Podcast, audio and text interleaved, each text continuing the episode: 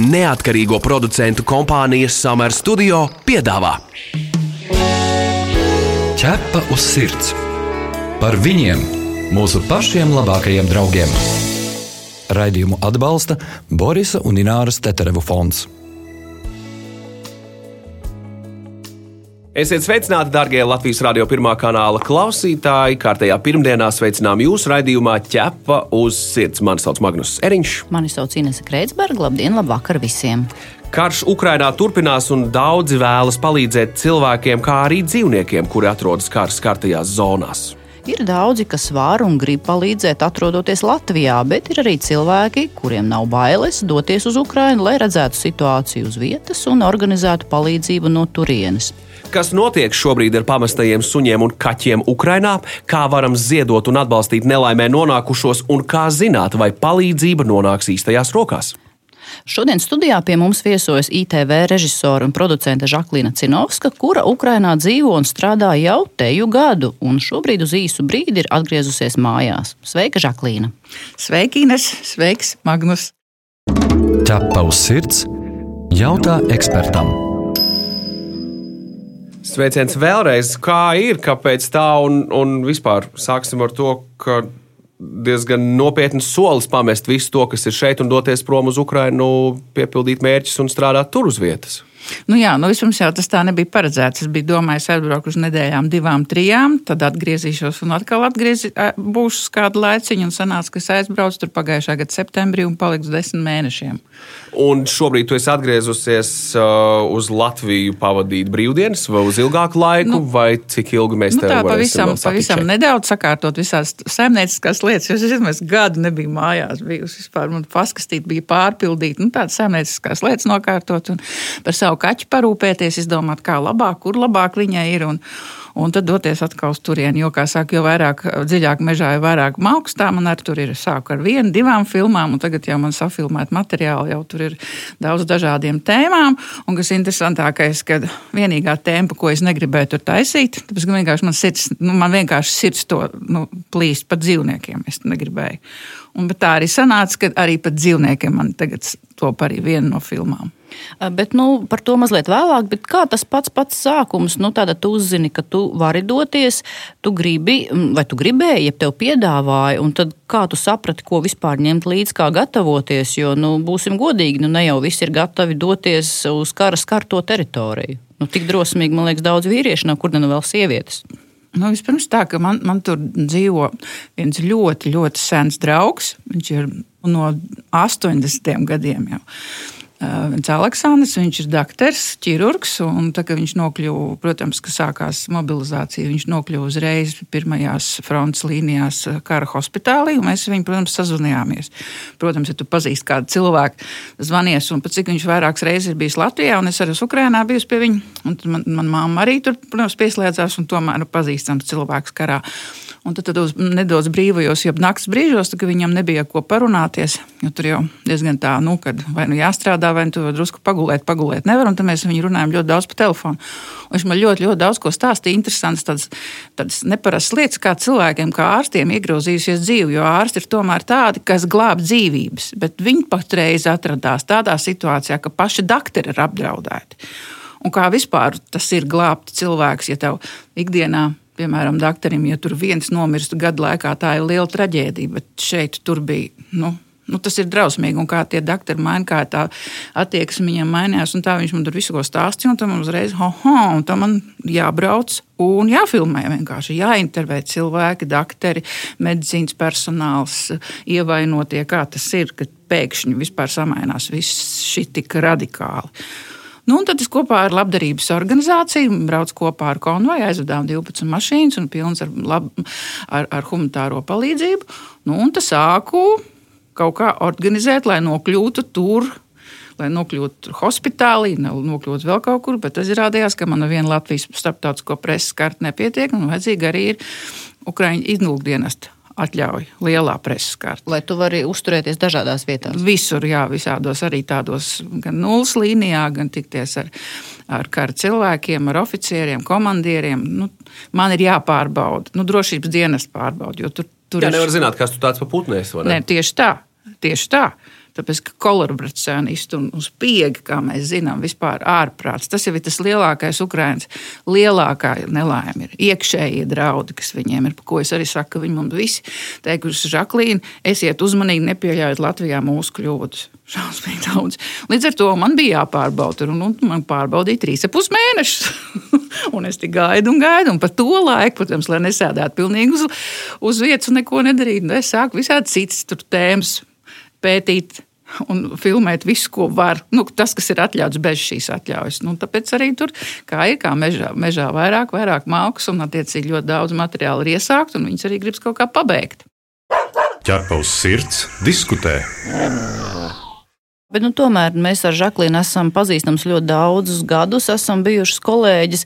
Es tomēr zinu tevi kā ļoti nu, sievišķīgu būtni, kurai ir svarīgs, tomēr, kā, kā viņi izskatās un, un visas šīs lietas. Es tomēr man joprojām pašai tas bija pārsteigums, kā tu piekriti uz tādu, tādu misiju. Vai tevi nebaidīja vispār elementāras lietas, vai tu varēsi nomazgāties, kur tev būs jānakšņo? Viena lieta, ja tāda situācija notiek nu, dzimtenē, kurai mēs nevaram būt gatavi, ja, tādai, bet tu apzināties apzināti dodies uz vietu, kur tu nezini, kāda būs vispār iztikšana un sadzīves apstākļi. Jā, nu, sākumā, protams, ne gan Kijevā, gan, gan Odesā, gan Ļuvivā. Nu, tur ir tur dzīve arī gada sākumā ritēja diezgan nu, normāli. Nu, tur viss ir viesnīca, bookingā, viss ir autotransports, darbojās. Viss. Tikai visiem bail, nu, kad var nokrist, ka sāksies gaisa trauksmes, ka var nokrist kaut kas uz galvas. Tas ir vienīgais, no kā tur tādās pilsētās. Bet tuvāk frontē jau aiz Odeses, tur, tur jā, kad mēs braucām uz Hersonu, es tiešām nezināju, kur es palikšu pa nakti. Bet nu, mums tur bija pazīstami cilvēki, un gan jau palikšu. Bet es arī redzu, tas Ines, tas jau nav uz mūžu, tas jau nav baigi ilgi. Jā, nu, viena, divas naktis, un to jau var nu, jā, tev gads gandrīz jau redz. jā, bet nu, pārējo visu laiku es tur dzīvo vai Odesā vai Kijevā vai kaut kur, un nu, pilnīgi īrēja normāli mazu dzīvoklīt, gan vienā, gan otrā vietā. Bookingā es jau esmu highest level, man jau tur ir liela atlaide, vislielākais, cik tik daudz tur esmu sabukojusies. Ka... Visur kopā ķepus sirds. Runājot par tevi, Žaklīna, tev pašai ir kaķenīte vārdā Odrija, kur, kura nebija tevi redzējusi teju gadu, un tu biji viņu atstājusi aprūpē pie mammas. Mm -hmm. Kā bija tad, kad uh, tu viņu satiki pēc, uh, pēc atgriešanās uz Latviju, vai, vai Odrija atpazina tevi? Kā viņa reaģēja, ko viņa teica? Es domāju, tu vispirms man prasīs, kā es vispār jutos tur bez Odrijas. Par to oh. mēs parunāsim. Mums tomēr raidījumā ķepaus sirds ļoti svarīgi ir, ko, do, ko, ko mūsu māj, māj, māj, mājas mīluļi saka. Nu, man tur, brīdī, man tur bija tā, ka es tur katru, katru svešo kaķi tagad tādam drusku ķērtā, nu, muķi, muķi, un tur nācu viņam klāt, un tagad tādam sīkā muļķis, nu, ļoti trūkst ar cilvēkiem, jo tu sazinies visu laiku. Vācijā vai FaceTime vai vienalga, bet ar Odriju bija tā. Odrija man ieraudzīja, nu, viņai bija ļoti, ļoti mainīts, mainīta vide. Jo manā mamma nedzīvo centrā, un līdz ar to viņai tā geogrāfija arī bija sēkusi. Viņa diezgan tālu dzīvo imantā, aiz imantas, tur pie babītes. Un tā viņai pirmo reizi tik radikāla tāda vide un tik ilgi, bet viņa neko, viņa skatījās uz manīm. Un viņi skatījās, un es redzu, ka viņi īsti mani nepazīst, bet viņi piecēlās un uzreiz man nāca pretī. Es pieņemu, ka tas bija tas, ka viņai kaut kas nu, intuitīvi, kaut ko viņa sajūta, bet ar īstu atmiņu. Un tad viņi man sapazina, un tad jau viss bija ok. Jā. Tu esi mans draugs, ķepus sirds. Runājot par Ukrajinu. Ukrainā situācija pilsētās, kurās tu biji saistībā ar pamestajiem suņiem un kaķiem, vai tie brīvi staigā pa ielām, klaiņo, vai strādā dzīvnieku patvērsmes tādā apjomā un ar tādu kapacitāti un resursu iespējām, kā tas bija agrāk? Pilsētās, tur, kur, paldies Dievam, nav bijuši okupanti, tur, tur es nemanīju nekādus noklīdušus dzīvniekus. Varbūt kāds kaķis, varbūt kaut kur paskrien, bet ar siksniņu tur nevarēja. Bet tikko sākās tur tuvāk Hersonai, tur, kur jau bija kur atbrīvotās teritorijas no tiem orkiem sākās, tur ir pilns ar tiem dzīvniekiem un pilns ar sunīšiem. Viena lieta ir laba. Ir tas, ka tur ļoti daudz ir kontrolpunkti visās malās, nu, kur armija dežūrē. Vis, uz visiem ceļiem, vairāk, mazāk, tur visu laiku ir kontrolpunkti. Un kontrolpunktos tur cilvēki dzīvo praktiski. Nu, tie karavīri, kas tur ir, nu, viņi mainās, protams. Bet tur viņi ēd, Tur viņi uzturās un atkal nomainās. Un tajos kontrolpunktos cilvēki vedas arī tagad, kad mēs braucām. Tagad, ar, kad es braukšu, mēs vedīsim barību tieši suņiem, jo viņi tur koncentrējās ap tiem punktiem. Un tie Nu, jā, punkti- viņiem cilvēki tomēr Jā, ir pazīstami, un tā ir Jā. drošības lieta, un tad viņi meklē. Jā, Bet viņi tur iet uh, cerībā atrast uh, nu, barību, vai Jā, ne? jā, Ar viņiem jā. tālāk jau nekādas darbības nenotiek. Un tad ir, mm, kāpēc arī es domāju, ka jāfilmē tā filma. Es iepazinos ar, ar to, ar to sunītas bagīras, to, to, to glābēju, to vienu, un tad ar tādu dzīvnieku patversmē. Viņiem ir daudz dzīvnieku patversmes, bet viņi nevar visus paņemt viņus. Nu, tur ir tik daudz to atstāto dzīvnieciņu. Vienkārši nevar visus paņemt. Bet tāpēc viņi rūpējās, lai kontrolpunktos ir ko ēst, un tad tie dzīvnieciņi laukos. Nu, iedomājieties, jūs braucat, nu, tā, tā kā lauki tādi ir, ja, tur Un tur viņi skrēja, turpat kaziņas arī ir tas, ka laikam saimnieki ir prom vai nomiruši ir vai nogalināti, nezinu kā. Kaķi, kaķi viņi tādi patstāvīgāki vairāk, vai nu viņi kaut kur jau ir ielīduši, bet sunīši tur pilns ar sunīšiem. Jā. Un viņi ļoti draudzīgi, un viņi vairs nebaidās. Sākumā visi tie stāstīja kontrolpunktos cilvēki, ka tie sunīši visi bija šausmīgā izmisumā. Nu, bet, protams, ka tie orki bija okupējuši, viņi jau tur neceramonējās, viņi tur nabadzīgi tur skraidīja. Tur, nu, tiešām Bet kā ukrāņi ienāca, tad viņi uzreiz samainījās tā attieksme, un viņi tādi ļoti, ļoti draudzīgi. Bet, nu, Pilns ar viņiem puses Hersonā vispār tur tādos taboriņos viņi, viņi staigā. Bet kā tā Ludmila saka, nu, viņi nespēja visus. Viņiem jau viena patvērsme pilna, otra patvērsme pilna. Nu, vienīgais, kas atliek, vienīgais vismaz viņus barot. Bet vai tu arī zini, vai esi dzirdējis par tādiem cilvēkiem, nu, kuri glābjoties paši atstājuši tos savus mīluļus un nav paņēmuši līdzi? Mm, Ja es tādu ieraudzītu personīgi, es viņam man liekas nožmiegu to cilvēku. Tādas tās bija ļoti daudz, piemēram, Nu, piebrauc per, peronā vilciens un, un Protams. tālāk nevar. Jā, tev to kaķu tu nevar ņemt līdzi, ja tu gribi glābties ārā.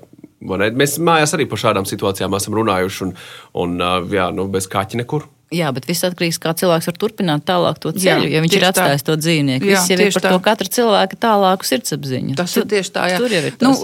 vai, tas sākumā tas ārprāts, kas bija tieši tas bija februāris, mārts, aprīlis, kad tiešām neviens nezināja, kas tur būs ar tiem krieviem un kā būs. Un, diemžēl tādi gadījumi bija, kad atstāja tos. Tad radās tur atsevišķas patvērsnes, bet ļoti daudz arī cilvēku arī brauc no ārzemēm un glāba tos dzīvnieciņus arī. Nu, tur dažādi bija, un tā likumdošana arī tur mainījās, un katrā ir kaut kas savādāks. Bet, Bet tas ir, protams, šausmīgi. Es nezinu, es, liekas, es nevaru atstāt. Es nezinu, kā jūs. Es nu, ne pa kādiem draudiem nevaru atstāt. Nu, ne pa kādiem draudiem. Bet nu, mēs nevaram nosodīt cilvēkus, jo mēs nezinām, kāda tiešām tas bija šausmīgi. Tas kara sākums, ka tu vispār neko nezini. Mēs runājam ar vienu dzīvnieku glābēju Rasmu, kura brauc ar vīru no Latvijas uz Ukrajinu, vest uz Latviju Jā, jā. dažādus suņus, kaķus, ko tur bija nodevuši saimnieki, jo viņi nevarēja, viņi paši bēgļu gaitās devās. Un, un bija stāsts par vienu kaķīti, kuru viņi bija paņēmuši, ko saimnieki bija nodevuši Ukrajinā. Un tie saimnieki arī atbrauc bēgļu gaitās uz šejieni. Mēs domājam, nu būs laimīgais stāsts, kaķītis satiks saimniekus. Un tie saimnieki šeit pateica, ka viņiem tas kaķis vairs nav vajadzīgs, jo esošajā dzīvoklī, ko viņiem ķīpselā piešķīra, tur ar dzīvniekiem nebija atļauts. un Tad viņi saprata, ka dzīvoklis ir vērtīgāks par kaķi. Un bija raudājuši tādas krokodīla asaras patversmē atdodot kaķi. Un no tā man jautājums, vai tu arī nesi redzējis situācijas, ka, nu, ka tie cilvēki varbūt um, rāda lielākas emocijas nekā viņi patiesībā daudz ko domā. Nu, paldies Dievam, es tādiem neesmu satikusies, bet mēs zinām, ka Latvijā mums arī pietiek tādu. It sevišķi tagad, septembrī, oktobrī, ja, kad tur būs atkal pilni pilni lauki un nevis nu, vasarnīcas ar atpamestām pēdiņās rotaļlietām. Nu, tas ir drausmīgi. Tas tiešām ir drausmīgi. Bet man, man ir ļoti interesants viens stāsts par sunīti Bagīru, kad uh, uzsprāga tas dambis. Un, kad tur bija ļoti daudz dzīvnieku, un ļoti daudz dzīvnieku tur bija piesieti. un Tas bija šausmīgi. Un tāda viena tāda sunīta, varbūt jūs zinat, tā fotografija aplidoja visu pasauli. Nu, tāda sunīta vilks, sunīta vilks čirns, ka viņa bija apķērusies ap kāju vienam glābējam. Vienkārši nu, tā, nu, viņi visur gāja. Un man tā bilde tā iekrita sirdī, ka es, nu, es arī savos profilos saliku viņu, un nu, vienkārši nu, tik aizkustinoši tādu. Un pēkšņi es tajā Hersonā satieku vienu no sievieti, ar kurai Anna Kurkūrina. Viņa ir četrkārtēja pasaules čempiona svars celšanā. Viņai viena no lielākām Ukraiņas patversmēm ir dzīvnieku patversmēm. Un tāpēc es viņu tur sāku intervēt, un viņi saka, jā, ka viņi to sunīti tieši glābus. Un izrādās, tā bagirē viņi bija, ja domāju, tas saimnieks jau gadu bija prom, un viņš piesietu, viņi bija atstājis savā mājā, lai tipa baro mamma. Mammīte 80 gadīga dzīvoja kilometru attālumā tam sunītis ir mēs gadu. Viņš vispār jau visu laiku jau dzīvoja piesietā sunītā, jau kaut kāds septiņus gadus, kā izskatījās. Bet, bet, bet tagad nu, viņi nebija ēdus, vispār viņi nesaprata, kas kaimiņi kaut dara. Un kaut kādā brīnumainā kārtā, kad sākās, kad sākās tie plūdi, kāds nu, tā runā, kāds viņu atbrīvoja. Bet kurš tā arī nevar saprast, vai kaimiņš vai kāds cits vienkārši to atsēja nost. Bet tā sunīte viņa jau paiet pat nevarēja, jo viņa bija nu, tik mazā tādā ķēdē pielikt. Viņa nevarēja pat paiet, viņa nevarēja papeldēt, viņa nevarēja. Un tad viņa kaut kā nodzīvoja pusotru dienu ūdenī, kārpīdamās, kamēr viņa tā Anna ar tiem glābējiem izvilka laukā. Un tad, bija, tad radās tā bilde, kur viņi apģērbās. Jo viņi uz pakaļējām kājām vairs nevarēja, tās jau bija atsaldētas tur pa to ūdeni. Un viņi bija apģērbusies tam glābējam ap, ap, ap kāju. Un viņi aizved, jā, aizved uz, uz klīniku, un klīnikā tad tur sākās. Tad tur nu, drausmīgi, tur jau ir tas pats kā pie mums nedēļu vispār viņai izdzīvošana deva 5%, ka viņa izdzīvos, bet jātaisa ļoti, ļoti dārga operācija. Tad viņi izdomāja, ka viņi savāks naudu, bet tā Ludmila saprata, ka nē, nē, nē, kaut kas cits ar savu intuīciju jādara. Un tad atradās viens dārsts, dzīvnieku rehabilitologs, ja? tas, kas re, nu, rehabilitē masēja viņu un mācīja viņu un lika uz dažādas vingrinājumus, un tagad bagi ir staigā. Tagad viņi meklē, meklē saimniekus jaunus. Viņi tagad burtiski pagājušajā daļā aizveda. Viss viņa ir vesela, un es biju pie viņas, ja viņa mācījās staigāt un ļoti gudri sunīt. Un tādu, un principā, ja nebūtu šis aplūdums nebūtu apludināts, ja nebūtu šī traģēdija. Tas sunīts tur paliktu. Principā plūdi viņu izglāba, viņa dzīvību izglāba. Atgādinām, ka pie mums studijā šodien viesojas ITV režisora un producente Žaklina Cinovska, kur Ukrainā dzīvo un strādā teju gadu un šobrīd uz īsu brīdi atgriezusies mājās. Un mēs runājam par to, kas šobrīd notiek ar pamestajiem suņiem un kaķiem Ukrainā un kā varam ziedot un palīdzēt. Šo radio pārraidi, protams, varēsiet dzirdēt arī podkāstu formā populārākajās straumēšanas vietnēs, kā arī mājaslapā www.ķepausirds.lv arhīva sadaļā. Tu pazīsti kādu īpašu dzīvnieku draugu? Tavs kaimiņš vai kolēģis palīdz nelaimē nonākušiem suņiem un kaķiem? Varbūt kāds suns vai kaķis izmainīs tavu pašu dzīvi. Raksti mums, un mēs pastāstīsim šo sirsnīgo stāstu pārējiem klausītājiem. Iedrošināsim arī citus izdarīt kādu labu darbu. Gaidām jūsu vēstuli uz info atķepa uz sirds LV. Žaklīna, tu esi bijusi viens no tiem cilvēkiem, kas ir bijis tur uz vietas. Un, kā jau runājām raidījuma sākumā, mums lielai daļai gribas palīdzēt. Un dzīvnieku draugi arī ir cilvēkam ļoti patīk palīdzēt. Un šajā gadījumā varētu rasties jautājums, kā zināt, ka saziedotā nauda nokļūst īstajās rokās. Jo būsim godīgi, ir diezgan daudz ar krāpniekiem un šo situāciju izmantojuši nevienreiz vien visā pasaulē ļautiņi, kuriem nav labākie motīvi. Šādi šādās situācijās prioritāte. Kā rīkoties pareizi, ja mēs gribam palīdzēt uh, dzīvniekiem Ukrajinā šobrīd?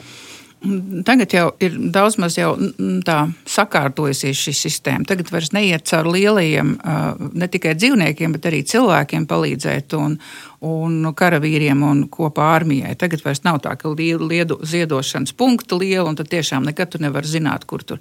Tāpēc, tāpēc tāda kā es, tāpēc, ka ir daudz vēl citu cilvēku, mēs konkrēti izējām uz konkrēti cilvēkiem, kuriem vajag sākot ar armijas daļu, tur, kur es filmēju nulles fronts līnijā. Es iepazinos ar to daļu, ar tiem cilvēkiem, ar tiem karavīriem, un viņi man pateica, ko viņiem vajag tik un tik dronu un tādas, tādas mašīnas. Un tagad, kad nāk tas konvojs no, no katru piekdienu mums no, no Latvijas, tas reiz zvanu, zvanu un prasu, man vajag vienu džipu, man vajag vienu džipu, jo maniem puišiem vajag vienu džipu, nu vismaz vienu džipu, jo ir dažādas. Viņiem vajag drons, tad es tur meklēju, bet īpašos drons. Es tur sazinos ar tiem cilvēkiem, kas vāc tās naudas, un es caur mani konkrēti nogādāju tiem cilvēkiem. Un tāda kā es tur ir nu, jau izveidojušies, jau, tāpēc, ka visi saprot, ka lielā katlā Tur tiešām ļoti daudz kas ir pazudis jau sen, sen. Un tas pats ar dzīvnieciņiem arī. Tad, kad es braucu, tad, kad es uz to pirmo reizi uz patvērsmu braucu pie Bagīras, filmēt pie tā sunīša, ja, nu es nevaru iet tukšām rokām. Viņas ir sapirku pārtiku. Tas ar cilvēkiem iedeva Facebookā man, manu kontu, lai cilvēki noziedo. Un tad es, viņi tur saziedoja man visu, ko tur. Tur es sapirkos gaļas, tik daudz mūžā gaļu nebija pirkus, es panest nevarēju vispār. Un tos ēdienus un mantiņus un, un tas, kas vajadzīgs, jā, un tur aizbraucu un konkrēti bagirē tas arī bija. Mans tagad nākamais solis ir tiešām, es nezinu, vai es atvadīšu no Latvijas to dzīvnieku pārtiku, vai man saziedos naudu un nopirks tur, es salīdzināšu cenas, jo tur jau arī var nopirkt, nav jau tur nekādas, tur, tur Āfrika, ja?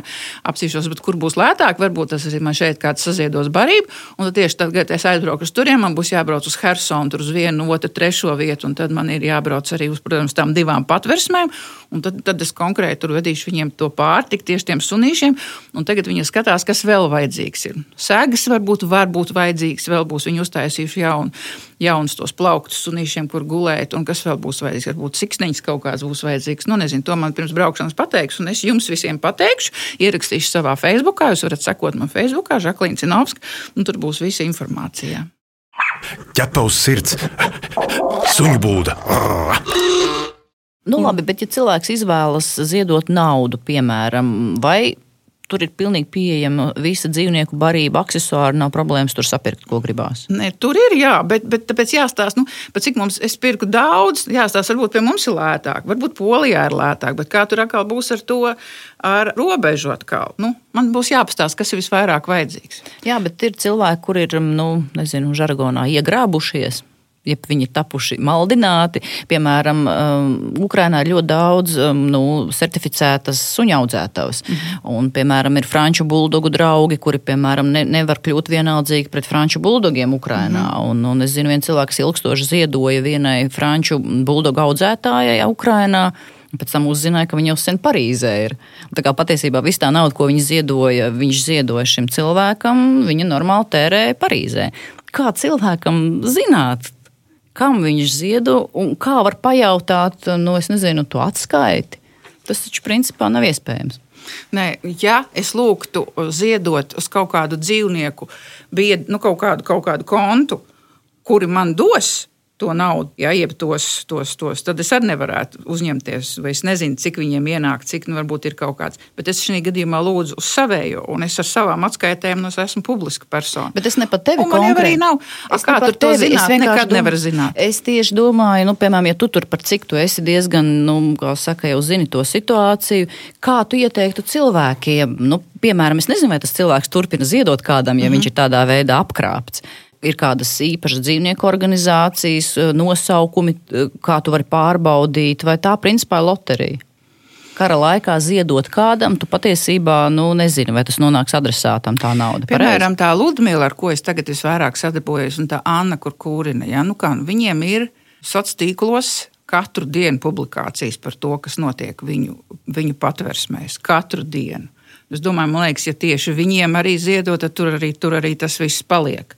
Ja ir kaut kāda nezināma, nu, nu, man nav tādas, paldies Dievam, pieredzes, bet es ar to rēķinos. Un, ja kāds tur, te, ja man liktu caur kaut kurien, es labāk teiktu, ne caur vistiešākā veidā. Un, ja es arī aicināšu kādu, piemēram, nezinu, varbūt kādu slimnīcu, ko es tur iepazīšu, mums tur jāiet būs pie doktoriem arī tiem, tiem dzīvnieciņiem varbūt patiešo viņiem kaut kas ir vajadzīgs un noteikti, būs vajadzīgs, ja viņi nebūs tādi merkantīlie veterināri ārsti, kas, kas kara laikā arī prasa mega vispār nu, par palīdzību dzīvniekiem. Bet ir tāds klīniks, kas tiešām palīdz, tāpēc, kad ir jāpalīdz. Labi, bet tad ir jautājums tāds, um, kā tavuprāt vislabāk varētu palīdzēt tiem suņiem un kaķiem? Nu, pabarot un, un, un, un padzirdīt, tā ir tāda īstermiņa lieta. Protams, ka viņiem visiem ir vajadzīgas jaunas mājas, bet kā tad darīt?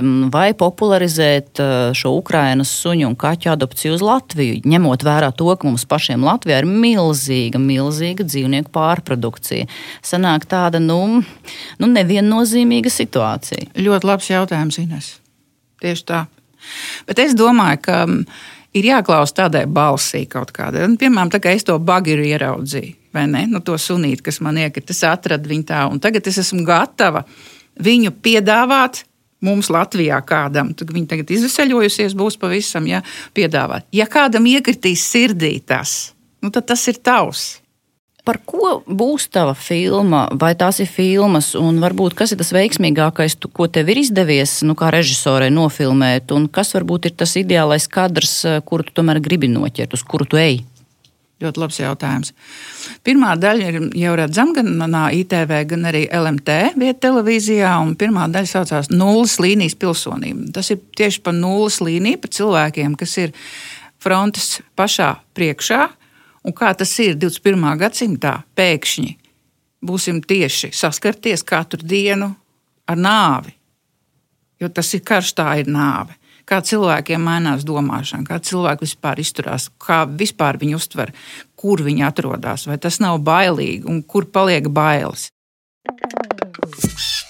Ja tavs sirds skaidro faktus, Nu, lūk, ja salīdzina Žaklīnu pirms pāris gadiem un Žaklīnu šobrīd, vai es Žaklīnu mainījusi uztveri pret kādu konkrētu dzīves jomu, varbūt vispārīgu, un vai vispār kopumā tu dzīvi uztver vieglāk vai tomēr nopietnāk?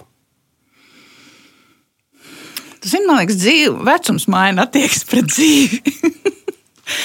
Karš maina attieksmi pret kaut kādām sociālām lietām, piemēram, pret politiku.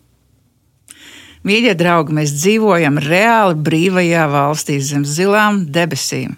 Brīvi, un mēs esam tādā pašā purvā kā tā valsts, Ukraina, kurā visu laiku pie varas bijis pārsvarā līdz Zelenskim prokrieviski spēki, un tagad vēl karš. Tāda pati korupcija, tādas pašas vispār cilvēki, kas negrib strādāt valstī, savai zemē, bet tikai savām interesēm. Mums ir visa brīva dot, un mēs to neizmantojam tās jau ir man, ja es ļoti kritiski kādreiz izturējos pret mūsu valsts pārvaldu, tagad es izturos vienkārši nu, pat jau naidīgi, jo tas ir noziedzīgi. Bet pašai ir kādas lietas, vai, nu, es saku, ja nevar mainīt lietas, tu vismaz vari skat, nu, mainīt skatījumu. Jā. Ja mēs runājam piemēram, par sadzīviskām lietām, mīļie cilvēki, mums tik maz vajag. Tas gan fakts. Īsnībā sadzīvēju vai pārvācoties arī pietiek ar tikai vienu čemodānu. Patiesībā. Es desmit mēneši man bija divi džins un pāris tēkrekli. Viss! es tagad atnācu mājās, ko es ar to skapi tagad lai daru? Nu, tas tā joks jokam, bet tiešām. Nu, protams, es tur, man tur nebija baigie pasākumi, uz kurien iet, un tā, un bija tikai filmēšanas darbs, darbs, mājas veikals, filmēšanas darbs, darbs. Ja. Bet tiešām cilvēkam ļoti maz vajag, un kad tu dzīvo dzīvoklī tie diviem katliņiem un, un vienu pannu, jau pilnīgi pietiek viss tev. Bet es Bet es tādam noslēgumam, tomēr par dzīvnieku tēmu, Jā. nu, saka jau, ka tie mūsu dzīvnieki ir mūsu psihoterapeiti savā ziņā arī. Bet vai šis laiks, par kuru mēs tagad runājam, tie dzīves apstākļi, kādos mēs nonākam, nav tā, ka mums šie dzīvnieki šobrīd pat palīdz vairāk nekā mēs kādreiz varējām iedomāties? Tad jautājums, vai, nu, kas ir tā galvenā varbūt, emocija vai atbalsts, ko tu iegūsti, piemēram, no savas odrijas? Kāpēc dzīve ar kaķi tomēr ir labāka nekā dzīve bez kaķa? Tās tās nemanāmās, man liekas, tādas vibrācijas, ko uztver kaķis, un viņš tev nepateiks, es tagad tevi mierinu. Es tagad no tevis paņemu sliktu enerģiju, un tu tagad palaidi vaļā tās sliktās domas. Jo tu jau, es atceros, ka pavisam nesen vēl pirms kara. Man bija ļoti daudz, nu, kā jau darbā mums sanāk, pēkšņi sakrīt visas problēmas vienā. Nu, ir tā, ja? Un es atceros, es veselu dienu sēdēju, un ne, man nervi nevarēja atlaist, jo es kārtoju vienu problēmu pēc otras problēmas. Vienu, vienu dienu, otru dienu, un trešā dienā es skatos, man Odrija ir pilnīgi šļaugana palikusi tāda. Pilnīgi, kā izrādījās, viņai nekas nebija. Pēc tam, kad es vedu viņu pie doktoriem, tur nu, nekas nopietns nebija. Es domāju, ka tā Odrija vienkārši man izvilka laukā, lai es drusciņi palaidu vaļā, jo man jau bija kritiskais stāvoklis, tie nervi bija uzvilkti tāpat tām trim dienām visām. Viņi man vienkārši novērsa pievērsa uzmanību, paņēma, iedeva man upgrade, kā saka, atvedu viņu mājās, viss bija kārtībā, un es savādāk pastījos uz problēmām. Un pēc tam, kad es tinu pavisam filmu, apakaļ dzīves filmu, to pašu man darīja Anna, arī iepriekšējais kaķītis. Viņa kaut kā man, tad, kad man bija galīgi saspringta tas viss, viņa man pievērsa ar kaut ko savu uzmanību tā, ka man bija jāpārslēdzās, un dzīvnieki to baigi jūt. It sevišķi, ja jūs ar viņiem runājaties. Nevis vienkārši kaķis ir nācis ēst, ēst, ne, bet ja tu reāli ar viņu runājies, parunājies ar viņu par kaut ko. Nu, kā tev gāja šodien? Man redz, šis ir redz, kas žurnālā šeit ir. Kā tev patīk šis žurnāls? Reku, šādi. pavisam ne, da, vienkārši dabīgi parunāties. Kaķis jau to saprot. Un tad tev izveidojās ar viņu tāds kontakts vairāk, ne tikai nāc paglaudīt, nāc ēst, iztīrīt kastītē. Nē, tas ir tā, ja jūs runājaties tiem dzīvniekiem. Stulbas gan laikam daži, kuriem nav dzīvnieki, domā, ir... Žaklīnai putni galvā. Viņa bet, ne, ne, mēs, mēs arī tā darām, Žaklīna, neuztraucies. Tu neesi vienīgā. jā, jā, mēs ar konsultējamies. Un... jā, un jo vairāk jūs viņiem šādi dalīsieties ar savām domām, lai arī viņi tev neatbild, tas kaķis ir suns un neatbild, bet vienalga tas kontakts ir un viņi saprot šīs lietas. Skaisti, Žaklīna, liels paldies, ka varēja atrast laiku šeit, viesojoties mājās, lai cik dīvaini tas neizklausītos, pirms tu atgriezies atpakaļ pie darbiem Ukrajinā. Tik tiešām vēlreiz liels paldies, ka atradāt laiku raidījumam ķēpa uz sirds. Paldies, paldies, ka uzaicinājāt, un lai jums veicas jums brīnišķīgi raidījumi. Mūrāģam ķēpa uz sirds! Atgādinām, ka TV raidījumam ķepa uz sirds varat sekot līdzi jau no 9. septembra ierastajā laikā un vietā 11.15 LTV1. Un, protams, mēs arī gaidām jūsu jautājumus, ierosinājumus, kā arī idejas sižetiem. Rakstiet mums uz info atķepa uz sirds LV. Bet šajā raidījumā tas ir arī viss. Mani sauc Ines Kreitsberga. Mani sauc Magnus Eriņš. Raidījumu veido neatkarīgo producentu kompānija Summer Studio. Visu labu! Ata. Ķepa uz sirds. Informatīvi izglītojošs raidījums par dzīvnieku pasauli un cilvēkiem tajā. Raidījumu atbalsta Borisa un Ināras Teterevu fonds.